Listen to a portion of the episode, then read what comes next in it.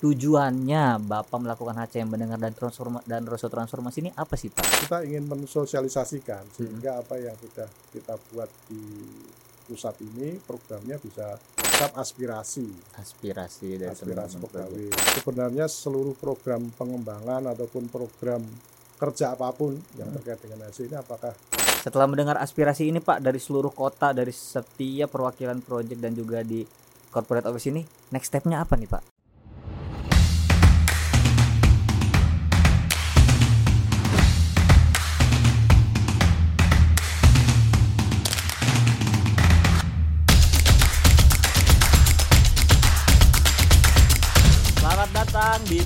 Podcast Waskito. Transformasi Waskita, transformasi warisan kita berawal dari kita, untuk kita, demi kejayaan Waskita. Oke. Udah lama gak sih? Parah sih udah lama banget. Kangen gak sih? Kangen sih udah ada kali 4 bulan 5 bulan, Mbak. Parah kayak Kita udah nggak- lupa banget. Iya, udah lupa banget ada Skill podcast. podcast. tuh udah mengurang. Iya, udah wah karena lu juga kan sekarang berkontribusi agak lebih lumayan besar sih ya tanggung jawabnya ya. Jadi ya Ya.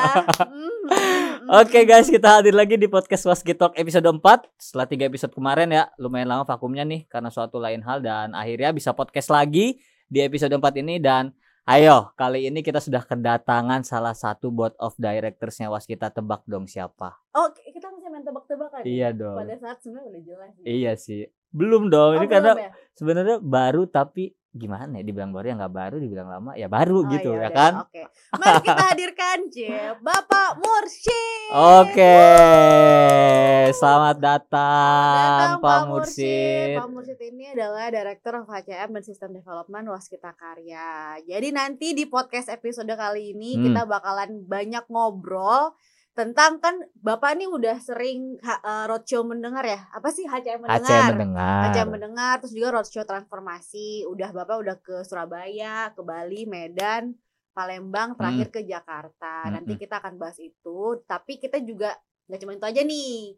Ada yang lain yaitu kita tuh mau tahu sebenarnya program apa aja sih yang sudah Bapak lakukan dan akan dilakukan di direktoratnya Bapak. Berarti itu berarti kita mencakup uh, program-program uh, transformasi bisnis, betul terus program juga uh, HCM dan Nah. juga program IT dan digital.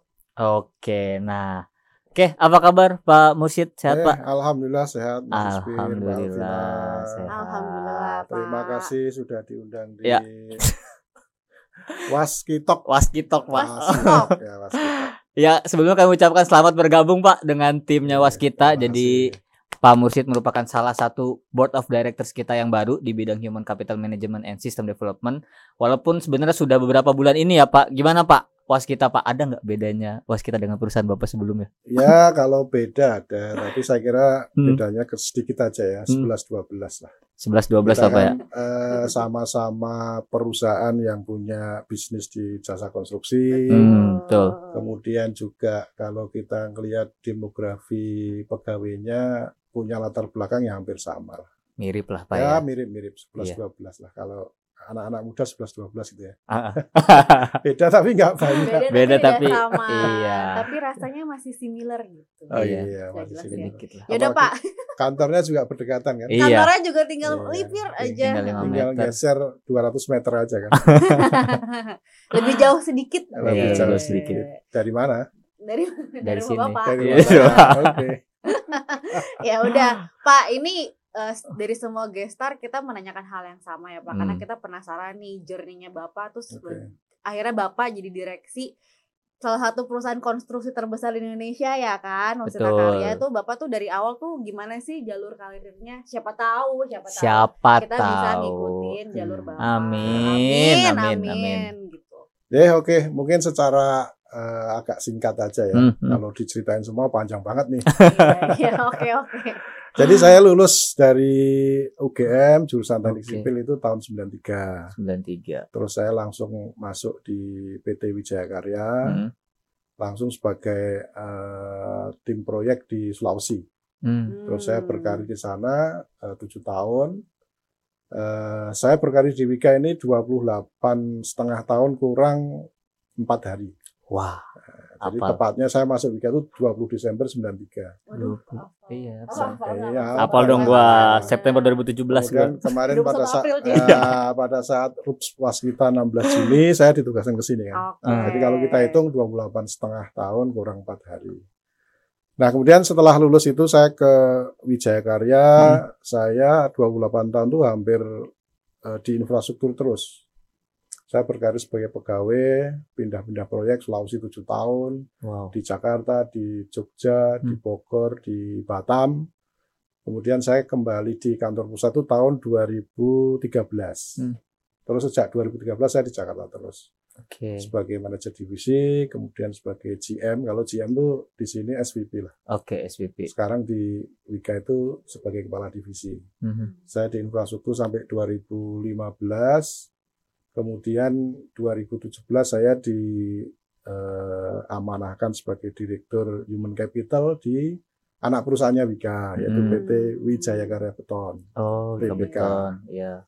Di situ dua tahun 2020 saya mendapat penugasan ke Wika Indo sebagai direktur human capital juga. Hmm. Cuman waktu itu sebagai direktur human capital dan business development. Nah, kemudian 2022 ya, 2022, Pak. sampailah Bulan 16 Juni. 16 Juni 2022. Sampai sekarang ini hampir empat bulan. Iya. Oke. Ya, alhamdulillah. Ya, mudah-mudahan eh, kita bisa berkolaborasi, Betul. bekerja sama Amin. untuk Amin. eh, memajukan perusahaan kita ini. Iya. Amin. Itu kira-kira singkatnya seperti itu, Pak. Berarti emang- Alvina. Oh, berarti emang perjalanan karir gitu, Vin. Officer Iya. dulu, tapi dari tim project, Iya. manager jadi GM, direksi anak perusahaan, baru jadi direksi induk. Kalau saya nggak Baru proyek pindah. bisa jadi direksi? Oh, bisa. Bisa.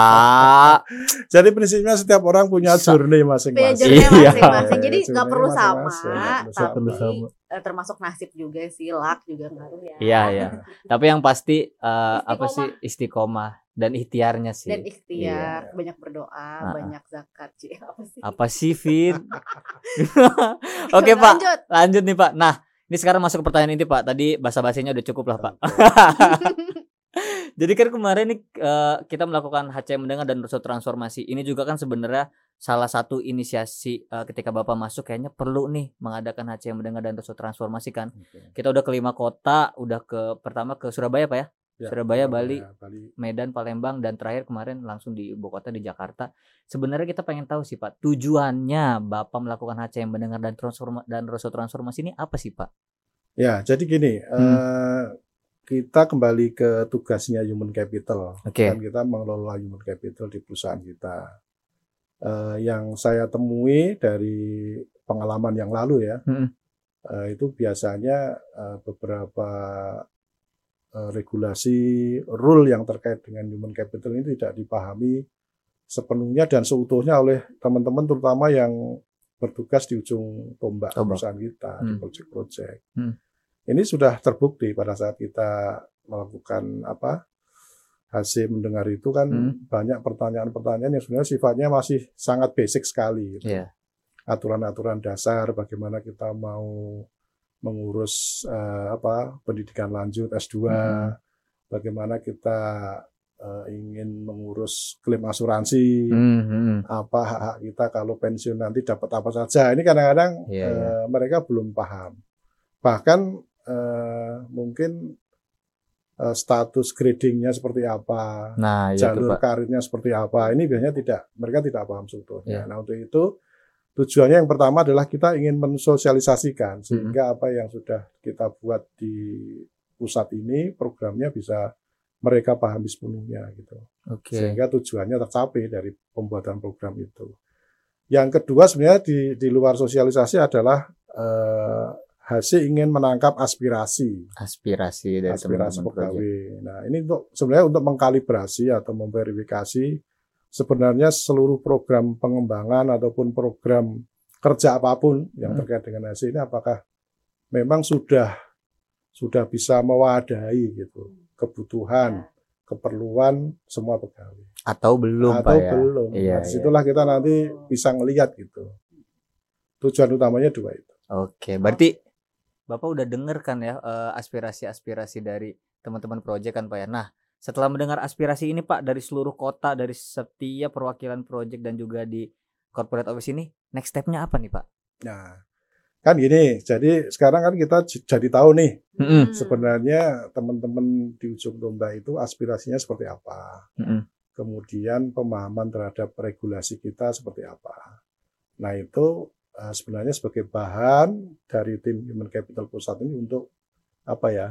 Untuk bagaimana eh, aspirasi itu bisa kita akomodir Mm-mm.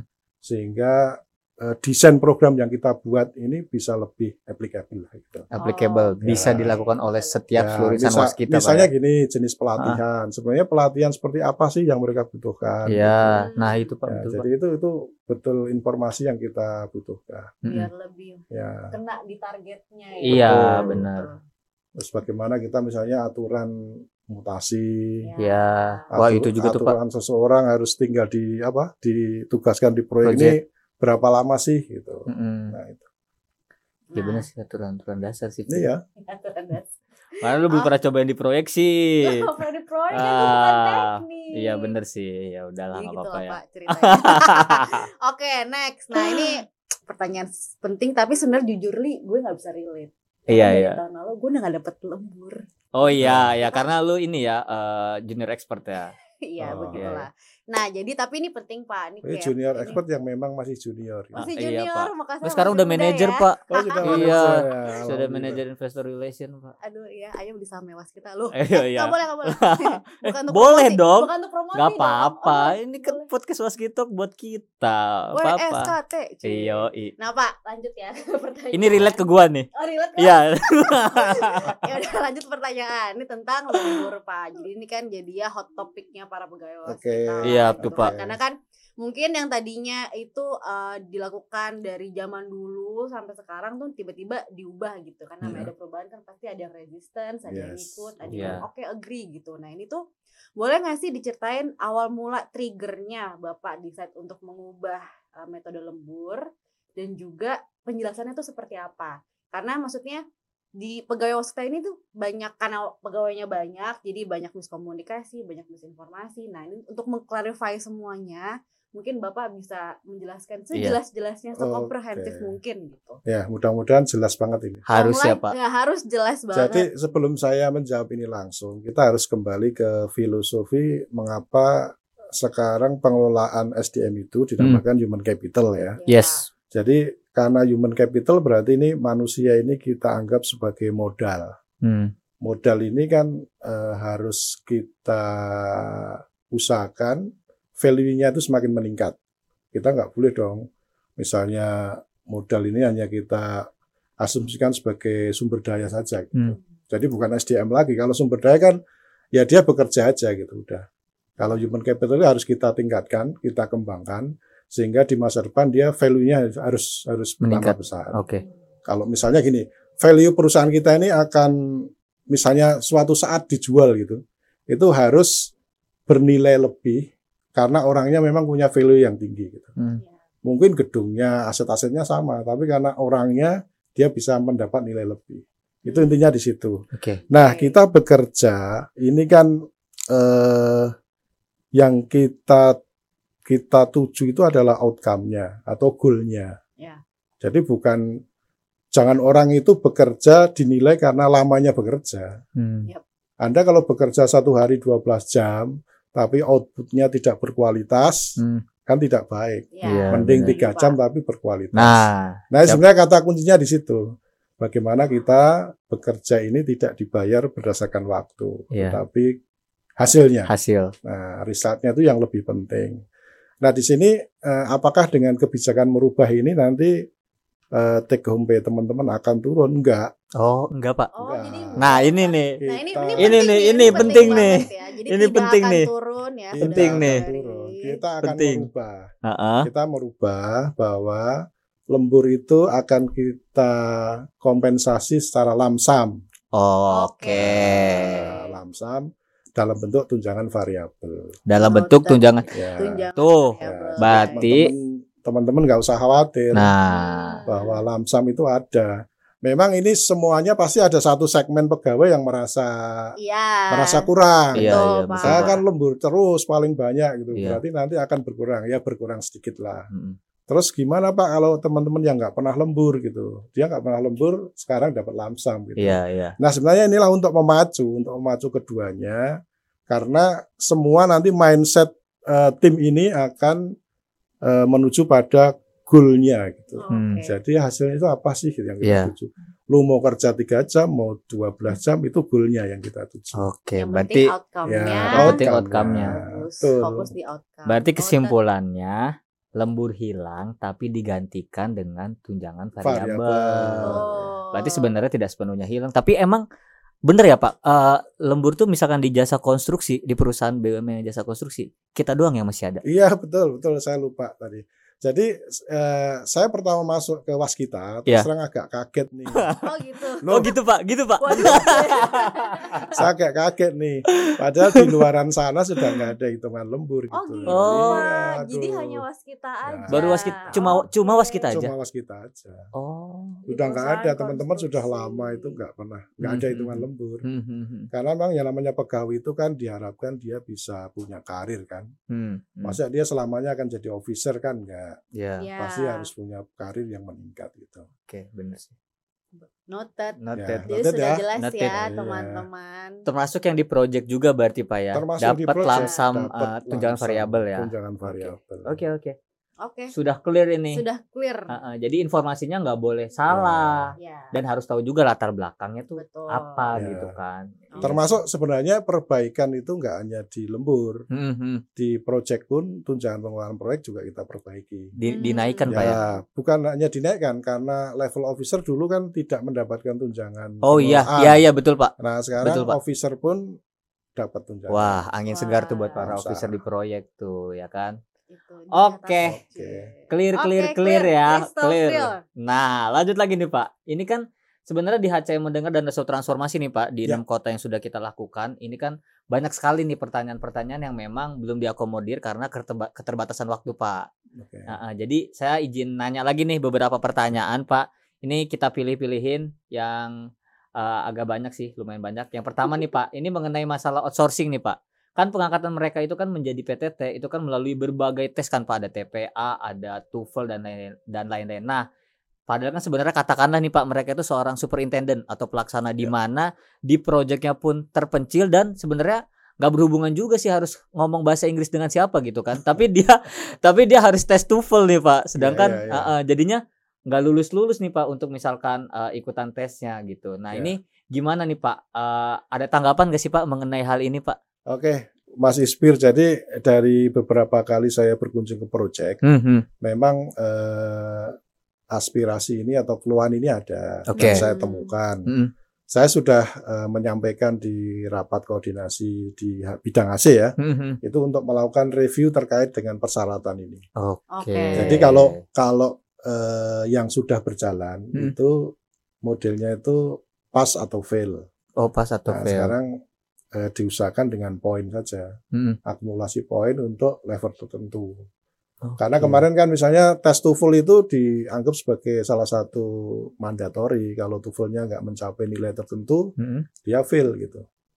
Nah, kan padahal sebenarnya benar pertanyaannya masih Isbir. Hmm, hmm, hmm. Wong di pekerjaan dia nggak pernah Nggak pakai. perlu. Iya, oh, itu Pak. dipersyaratkan gitu. Nah, ini sedang kita review, mudah-mudahan dalam jangka waktu dekat atau dalam kesempatan apa eh, peningkatan status Mhm. OS ke PTT ini sudah lebih baik lah. Iya. Amin. Amin. Kecuali kayak lo berhubungan gue? dengan investor harus bisa lo ngomong bahasa Inggris.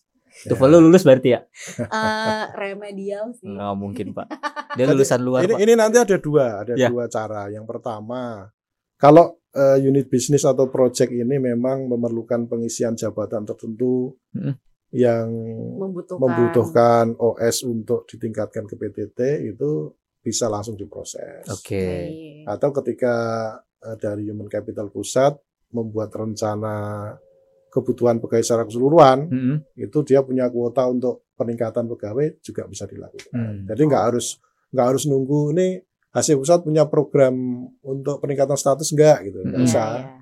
Oh, berarti Jadi, bisa langsung diajukan ya, aja kan ya, sekarang beberapa proyek kita temukan kan Iya. sudah menjadi site manager tapi statusnya masih pegawai outsourcing. Pak? Mm-mm. Nah, Oh itu iya, harapannya betul, ke Pak. depan sudah nggak ada lagi. Udah nggak Oke. ada lagi seperti Ya, itu ya. Oke. Nah, next question. Ini mungkin Bapak bisa kasih kisi-kisi. Jadi kan Kisi. uh, kisi-kisi udah kayak mau Kayak ujian. mau ujian lu. Jadi kan ya basically BBM naik, Ya. BBM naik sama dan harga pokok naik. Ya. Yang paling terdampak itu kan pegawai ya, Ya. memang setiap hari mungkin pakai eh, apa sih Kendaraan. kendaraan Ya. online Ya. dan Ah. lain-lainnya harga pokok belanja ibu-ibu gitu kan Iya. ke pasar. Nah kira-kira nanti yang tadi bapak sebutkan kan nanti akan ada penyesuaian eh, salary gaji Ya, kan ya. pak. Nah apakah penyesuaian itu eh, sepadan gak sih sama dengan kenaikan BBM dan kenaikan harga pokok di luar sana kira-kira seperti itu? Nah, tanggapan bapak tuh seperti apa? Oke, makasih Mbak Alvina. Mm-mm.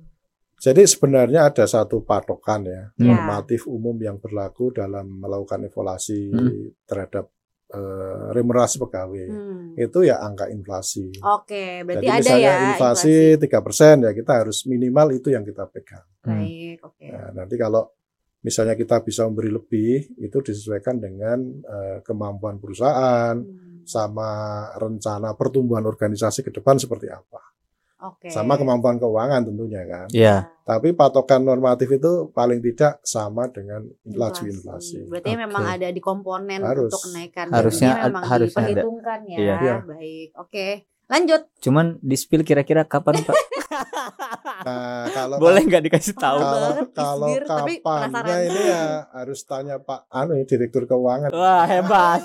Bapak hebat. Oke, Bapak lempar abis bola. boleh boleh. Abis ini abis Bukan- ini kita undang Bukan Bapak lempar bola, tapi begini ya, artinya eh, Tapi memang benar sih, Pak. sebenarnya kan evaluasi sudah kita selesaikan. Iya, Oh, betul, evaluasi Pak. udah ada nih, Pak, ya? Selesai. Nah, itu yang penting. Cuman Tinggal sekarang Bapak-Bapak BOD tinggal berembuk ini Mm-mm. kapan nih Kapan kita dan harus bisa memberikan. Oke. ya intinya disesuaikan dengan eh, kebutuhan cash flow-nya perusahaan. perusahaan juga ya, Iya, Pak. iya. Cuman evaluasinya udah ada, Sudah, tinggal di sudah. jebret gitu ya. Jebret. Ya udahlah.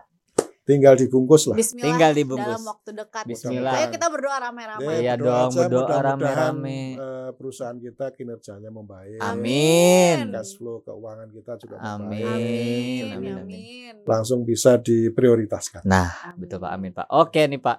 Oke. Ini sebenarnya ya ada juga pertanyaan titipan sih, Pak. Eh, ini banyak. iya sih.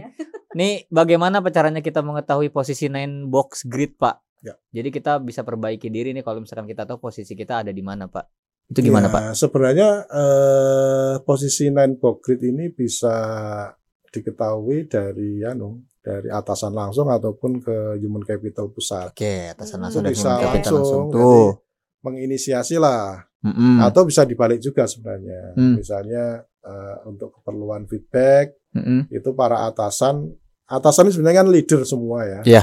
Jadi sebagai leader itu harus bertanggung jawab eh, terhadap pengembangan staff-staffnya. Mm-mm. Ya. Mestinya itu bisa minta data ke human capital, Oke. kemudian kita kasih tahu posisinya seperti apa. Mm-mm. Itu untuk melihat eh, gapnya ya. Mm-mm. Jadi kurangnya saya posisinya di mana sih gitu.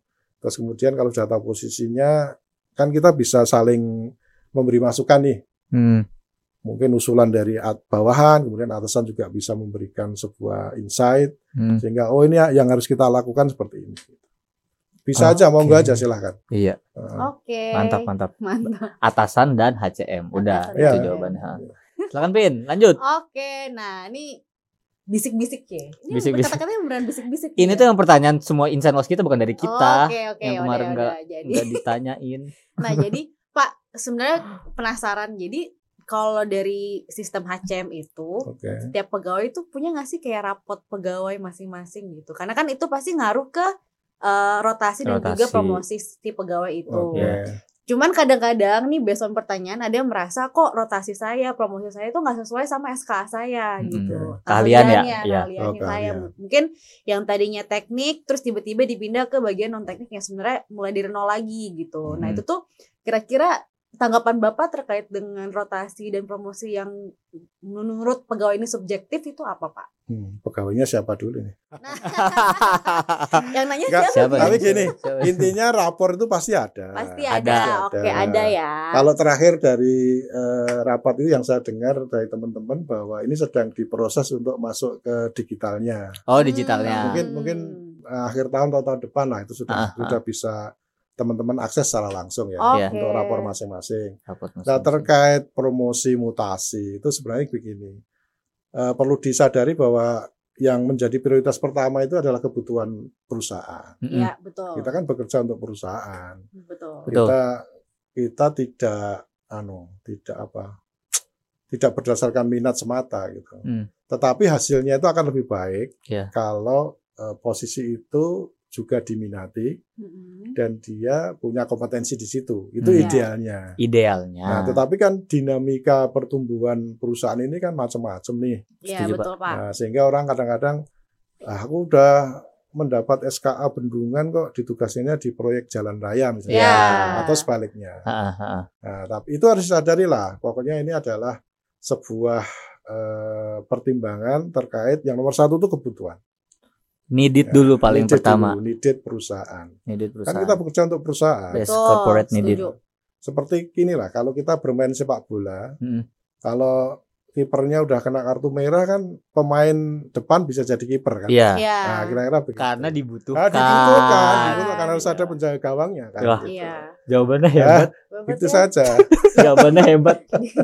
Masuk gitu loh langsung. Iya bener sih kan BOD ya. Kok bingung? Jawabannya Iya. langsung masuk gitu. Oh Iya, iya. Tapi benar. Kadang kan orang pada nggak ngerti nih Pak. Iya. Kenapa sih gitu? Oh ternyata Emang kebutuhan iya, butuhnya sesimpel butuhnya dan- di situ. Dan Iya. yang saya dengar kan kalau perusahaan konstruksi itu kan dinamikanya berubah terus Iya, ya, Pak. berubah Jadi kan terus, kebutuhannya berubah itu terus. juga berubah terus nih seiring Iya. berjalannya waktu gitu. Hmm. Jadi mungkin mesti bisa apa ya menyeimbangi dan juga adaptasi dengan Iya. perubahan-perubahan itu. Iya, gitu. makanya kan mau. Sebenarnya kan ada yang namanya individual development plan kan. Hmm. Iya, Udah tahu kan teman-teman? tahu Iya. Pak. Jadi setiap orang tuh punya individual development plan. Nah, ini yang sebenarnya harus kita garap secara serius. Hmm. Jadi nanti setiap orang di situ bisa membuat rencana karirnya. Hmm. Oh itu Bisa. kita sendiri yang buat Pak. Iya. Kita Oh. Idealnya yang buat harus kita. Ah, ah, Kemudian hasil ini sebagai orang yang mungkin punya data ya, big Iya. data, memberi feedback saja. Oke. Oh, Pak Isbir, kalau kamu berminat ke Iya. sini, kalau berdasarkan data ini kok nggak cocok. Hmm, hmm, hmm. Anda harus eh, ke tempat lain deh misalnya Mhm. begitu. Nah kalau nanti Individual development eh, IDP ini sudah kita kelola dengan baik, Hmm, hmm. setiap orang tuh atau setiap atasan bisa mudah ini. Hmm. Orang Iya, tuh punya minat ke mana kita jadi tahu gitu. Benar benar. benar. Sebenarnya sih saya lihat was kita sudah sudah apa ya melakukan yang baik sih karena kan ada aspiration ya. Yap.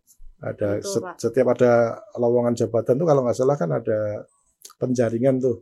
Siapa yang punya aspirasi minat ke jabatan itu gitu kan ada kan? Ah, saya nggak tahu sih Pak sejujurnya. Ada ada. Ada. Oh, Jadi ada, ada ada. beberapa yang Ada mau beberapa. ditanyain. Oh, iya iya iya iya iya iya iya. Kalau itu ya, ya. Cuman Ada, itu kan masih terbatas ya. Hmm. Nah, terbatas. kalau individual development itu harapan saya nanti ke depan setiap pegawai harus punya. Ah, Nah, targetnya. iya. Oke, Pak. Sip. Nah, ini lanjutan dari pertanyaan Alvina tadi nih, Pak. Jadi eh banyak juga nih Pak ternyata ya sebenarnya emang be- eh, berdasarkan kebutuhan. Tapi penempatan pegawai juga tidak sesuai minat dan ya itu tapi hanya mengakomodir kebutuhan pengalaman yang sudah-sudah kan Pak. Nah, ada tren juga nih Pak kalau di Was kita nih, kalau misalkan pegawai rata-rata tuh kalau dirotasi ke corporate office sama ke kantor pusat tuh jarang mau Pak karena pengen ah kayaknya mendingan di proyek dah nih, Pak. gitu. Itu sebenarnya gimana sih Pak? Nah, ini ini, ini tugasnya. Tapi Harusnya ini, gimana ini, nih, ini Pak? true story, Pak. Ini Iya. Iya, iya. Ini tugasnya teman-teman human capital sebenarnya. Iya, ya. Sebenarnya kalau teman-teman eh, mau belajar lebih dalam, Mm-mm. sebenarnya semua orang yang berkarir harus melalui Corporate, office corporate Pak ya. office. Karena Mau tidak mau itu jalannya lewat situ. gitu. iya benar sih. Karena begini, eh, Benar, benar. kan ada level level teknis, ada level strategik ya. Ya. Kalau orang mau ke level strategik itu kan harus masuk ke corporate. Hmm. Kita bisa heli- helikopter view-nya lebih tinggi kan. Iya, betul, setuju, Pak. setuju. Kalau bisa di corporate office juga tidak hanya di satu bidang, tapi sudah mungkin dua, tiga, empat bidang Hmm. itu dia akan lebih cepat di dalam Pengalamannya juga eh, lebih mendukung banyak. karirnya. Iya, gitu. Betul, Pak. setuju sih. Setuju, Pak. Tapi memang yang paling bagus itu paling tidak harus pernah punya pengalaman di project lah. Oh gitu. Itu Karena itu dulu. itu core Itu kita dulu gitu. Tampar. core kita. Ya, tapi lu bukan teknik sih wajar Ya, tapi kan juga. teknik ya. Iya, wajar juga. Enggak, Ya, baik, di mana pun, Pak. Noted, misalnya di investor relation, Ah. kalau lu cerita sama orang luar kan, kalau pernah di proyek kan bisa Oh, merasakan. iya, Tapi- benar. tapi lebih teknis kadang-kadang pihak benar. luar lebih tertarik sih pak karena kan mereka nggak punya pengalaman Benar, jadi bisa kita bisa nyeritain ke mereka Ya, kalau di iya. proyek seperti kan, apa sih ya. gitu Berarti Pak Alvina pindahin ke proyek Pak. Biar ada pengalaman Pak di proyek. Kalau saya udah Pak. abis ini keluar SK sama ya Iya, ya? iya. oke Oke, oke. nah kemarin katanya signing sama lear- learning centernya WSBP Ya, betul. nah itu bapak kira-kira strategi ke depannya apa nih pak Ah, dari jadi signing gini, itu? eh, dari beberapa kunjungan kita menemukan kan, Mm-mm. sebenarnya salah satu anak usaha kita, pas kita beton brikas ini kan punya fasilitas yang luar biasa, Ya. ya punya gedung learning center yang dilengkapi dengan dormitory, Wow. 62 kamar ya, iya Mhm. 62 kamar, gede loh gede Iya, banget. Lu udah lihat ya? udah Oh. Gede. terus sangat representatif lah. Iya. Sayang kalau itu tidak kita optimalkan. Hmm. Jadi, betul untuk itu nah, kemarin kita sepakat seluruh direktur di Capital untuk memanfaatkan itu Hmm. semaksimal mungkin, Oke. seoptimal mungkin lah gitu. Jadi eh, teman-teman akan menindaklanjuti untuk membuat program bersama. Jadi mungkin nanti membuat anu lah kayak kurikulum termasuk schedule-schedule pelatihannya. Hmm, Oke. oke Kita break azan dulu kali Pak ya. Oke. azan. Ya. Kita tunggu azan dulu. Kita tunggu azan dulu guys. Oke. siap Ya, azannya sudah. Ajannya sudah selesai. Mm-mm. Buat Gua apa lu nih? Gua ya. Ya udah. Kayak aman ya, Vin? Aman, aman. Aman ya? Jam Alhamdulillah. 3 aman. Jam 3. Oke. Nah, Pak. Nih, Bapak juga kan eh, jadi Director of HCMN System Development Ya. masuk ke Waskita langsung harus memegang sebagai program transformasi Waskita nih, Pak. Ya. Nah, ini ngomongin masalah transformasi nih, Pak. Secara umum sebenarnya apa sih Pak yang harus dilakukan kepada seluruh insan Waskita, Pak? Ya, jadi gini Mas Hmm, Ispir ya. hmm. Jadi transformasi itu sebenarnya kalau kita bagi secara perjalanannya bisa tiga. Hmm. Yang pertama tahap perencanaan, kemudian tahap implementasi, terus transformasinya itu sendiri. Mhm.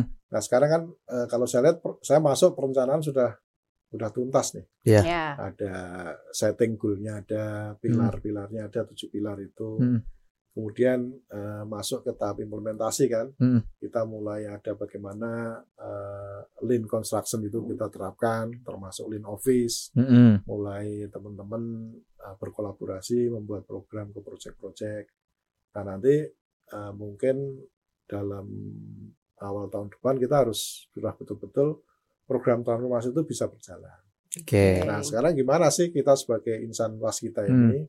Ya makanya kemarin ada uh, roadshow transformasi juga. Iya, Ya. betul, Itu Pak. dalam rangka untuk bagaimana program ini dipahami oleh seluruh insan waskita. Oke. Tapi mungkin uh, kata kuncinya aja bahwa transformasi ini kan dalam rangka bagaimana membuat perusahaan kita ini sehat. Sesimpel itu Ya, sebenarnya kan. itu. itu. Jadi karena gini, ada dua kondisi yang harus dihadapi semua perusahaan. Hmm. Yang ada yang kondisinya itu kondisi normal, tidak Ya. ada krisis. Sehingga kita ini hanya bekerja seperti SOP Hmm. atau di tempat kita PW gitu ya. Ya. Ya. Ada PW ya, kita bekerja seperti PW itu aja lah gitu. Eh, SS lah. Hmm. Apa tuh, Pak? Ya, Aslinya se- bekerja seperti yang Seperti biasa itu. kita Oh, lakukan, iya iya iya gitu. iya. Business as Ah, usual. business as Oh, iya, usual. iya. Mohon maaf.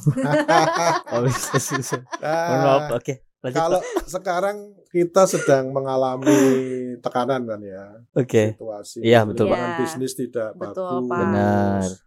baru semuanya eh, ada apa ya terjadi tekanan finansial terutama Hmm. sehingga kita harus melakukan di luar eh, yang biasa dilakukan jadi program transformasi itu sebenarnya itu bagaimana kita bekerja pada saat kondisi kita mengalami sesuatu yang tidak biasanya. Iya.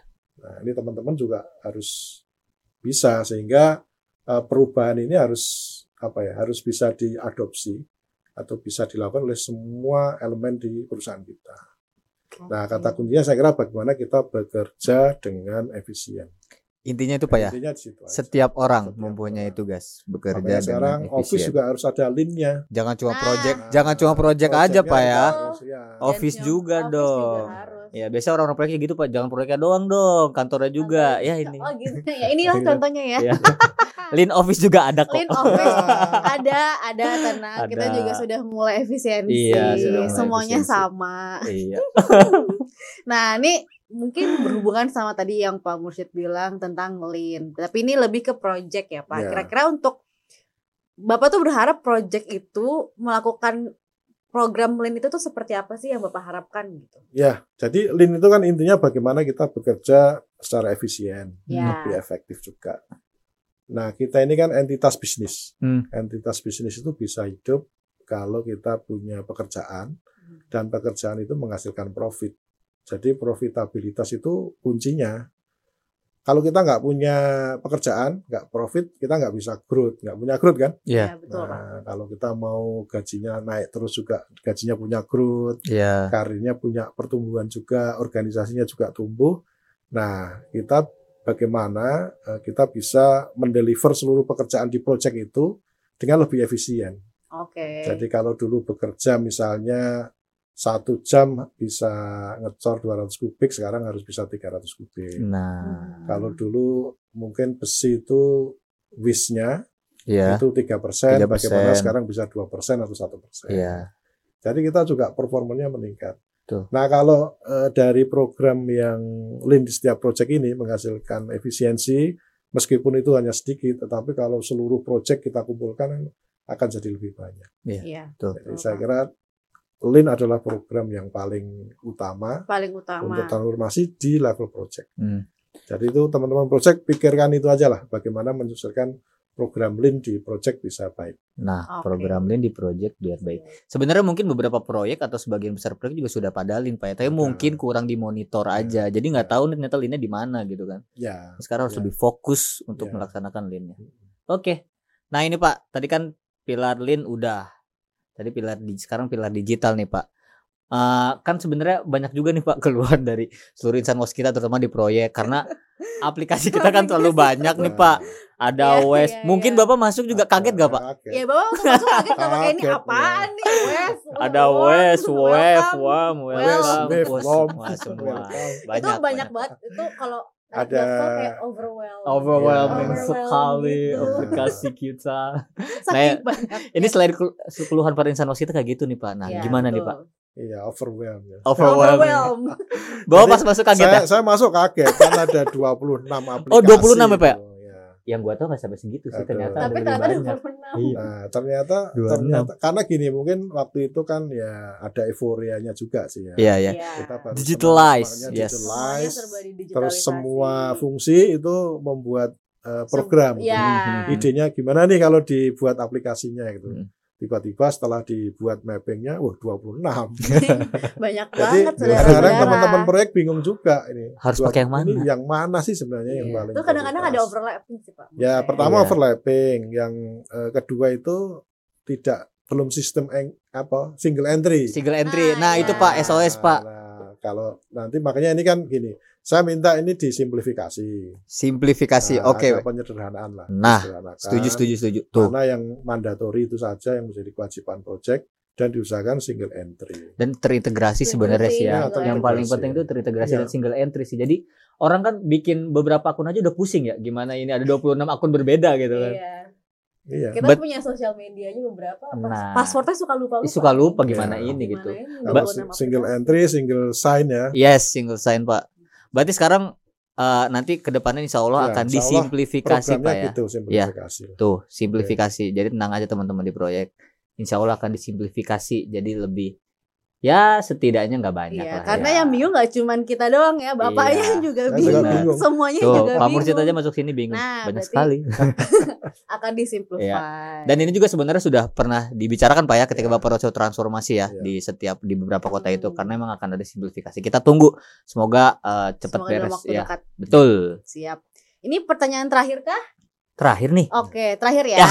Siap. Ini juga kita tanyakan karena kan ini program transformasi. Nah, dari Bapak, Bapak Mursyid, seorang direksi HCM dan System Development, apa sih yang Bapak harapkan kepada semua insan waskita ini ter- terkait dengan program transformasi ini gitu? Harapannya Ya, apa? harapannya ya sebenarnya hanya satu. Semua insan waskita bisa mendukung program ini dengan baik. Hmm, Tuh. support Karena Support. gini, karena eh, kita kan punya goal-goal banyak itu. ya. Jadi Betul, kemarin terakhir kita melakukan PUD retreat, SPP Ya. retreat itu dengan men-scale up ya. Hmm. Jadi penghematannya harus berapa miliar, baik itu dari procurement, dari program eh, lean construction, Hmm. dari supply chain.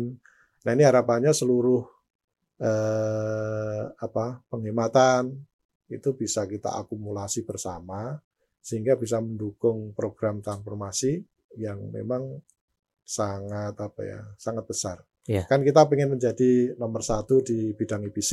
Ya, betul. Kemudian betul. market kapitalisasinya Dua bisa kali. dua dua kali, kalinya. Hmm. EBITDA tiga EBITDA kali. tiga kali. EBITDA tiga kali. Padahal target ini dengan sangat berani kita apa? paparkan. Kita paparkan, kita tentukan pada saat situasi sebenarnya sangat sulit gitu. Iya. Iya.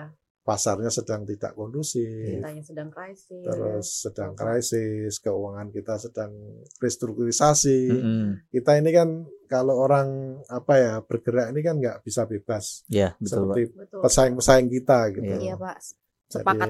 kita menerima eh, cash in ini tidak bisa seenak kita kita gunakan. Iya, harus Sudah ada ada, ya, nah, Pak. sudah ada salurannya masing-masing. Iya, Sampai penggunaannya itu sudah harus iya. sudah ditentukan oleh para lender kita. Tapi ya kita harus berterima kasih juga. Hmm. Kalau kita tidak ada restrukturisasi ini, saya kira eh, tekanan finansial lebih besar. bisa lebih berat lagi. Sepakat. Ya mudah-mudahan eh, program ini bisa berjalan lancar. Mari Amin. kita dukung bersama. Amin, Amin. amin. Kita amin. harus bekerja dengan solid, solid, bekerja sama, dan mudah-mudahan nanti bisa eh, selesai dengan baik. Oke, siap Oke, ya. deh. Ada lagi Ah, pertanyaan? ada lagi nggak sih Sudah pertanyaannya? selesai kah? Oke. Slide dong. Nggak Oke, ada. Closing iya, lo berarti- ya. Iya, iya. Iya, gue closing ya lah. Ya. Oke, Bapak, terima kasih Pak Oke. sudah Belum. apa? Bapak punya IG gak sih? Ada, Ada. gue tahu, gue tahu, oh, gue tahu. oh gitu. Gue ya, follow. ya masa, ya masa, ya. Pak Mursyid dong yang Iya. ngomong. Oh iya benar sih. Pak Mursyid yang ngomong ya? Tadi saya sih yang itu Pak Mursyid aja. Pak Mursyid dong. Iya sih. Di follow guys. sebenarnya, Di follow, eh, guys. ya, Jadi gini, eh, kita ini kan eh, katanya pengen apa ya? Pengen mencontoh para leader gitu. Nah, Ya. Nah, yang sering saya katakan, Iya. Katanya pengen mencontoh leadernya tapi IG, IG-nya aja nggak follow. Iya, Nah, iya. nah, Siapa yang nggak follow sekarang para Bener, bener, bener. kita eh, silahkan di follow para leader-leader was kita lah. iya. Tentunya termasuk saya. Iya. Oh gitu. Nih, kalau Bapak follow @suyadi Mursyid. Ya. Nanti ada di ini ya. Nanti ada di di bawah ya, di bawah ya. di bawah. Siapin ya, Siapin. @suyadi At Mursyid. Suyadi Mursyid. Tuh. Di follow. Dan para BOD lainnya jangan lupa di follow. Jadi kita tahu nih kegiatan-kegiatan ada apa aja. Betul. Dan kemarin juga Pak Mursyid selalu menyampaikan sih kalau misalkan memang ternyata eh, butuh pertanyaan ataupun eh, butuh ke Bapak langsung karena misalkan udah mentok di bawah-bawahnya, boleh langsung ke Bapak 24 jam katanya Pak ya. 24 jam ya. Iya, tapi nomor Nah. HP-nya nanti cari sendiri ya karena kan ini nggak bisa kita paparkan. Adalah banyak. Nomor HP banyak cari yang tahu. sendiri. Iya. DM aja DM. Iya, DM Instagram aja nggak apa-apa insya Allah Tapi dibalas. jangan pakai fake account ya. Iya, jangan pakai fake account. Ntar kita nggak tahu siapa Nah, yang nanya. benar. Dan biasanya Pak Mursyid suka olahraga sepedahan. Jadi kalau misalkan weekend bisa ikut bapaknya Bisa ikut ikut sepedahan goes. bareng juga, goes bareng gitu. Oke. Oke, sip. Sip, Closing. Oke. closing. Terima kasih Pak Mursyid sudah Oke, datang sama-sama, Terima Mas kasih. Bapak. Acara Podcast Terima Waskitalk. kasih sudah diundang di. Waskitalk. Waskitalk. Oke. Oke. Waskitalk semakin maju. Amin, amin, amin, amin. Jangan lupa, jangan lupa, jangan lupa follow terus IG-nya Waskita. Ah, karena podcast Waskita ini akan hadir di IG Waskita, YouTube-nya Waskita, dan yang paling penting Spotify juga. Jadi kalian bisa Hmm. dengerin kapan pun podcastnya Waskitalk di Spotify-nya Spotify. Waskita. Siap. Oke. Oke. Kita tutup, kita closing dengan ILL Pak, yang tadi Pak. Oke. Transformasi was kita itu. Oke, Transformasi sip. warisan kita berawal dari kita, untuk kita demi kejayaan Waskita gitu ya. Oke, siap. Oke, siap. Yuk. Dulu ya. Transformasi Waskita Transformasi, warisan kita berawal dari kita untuk kita demi kejayaan waskita. Oke, terima kasih. Dadah. Dadah, thank you, thank you. Thank you, thank you.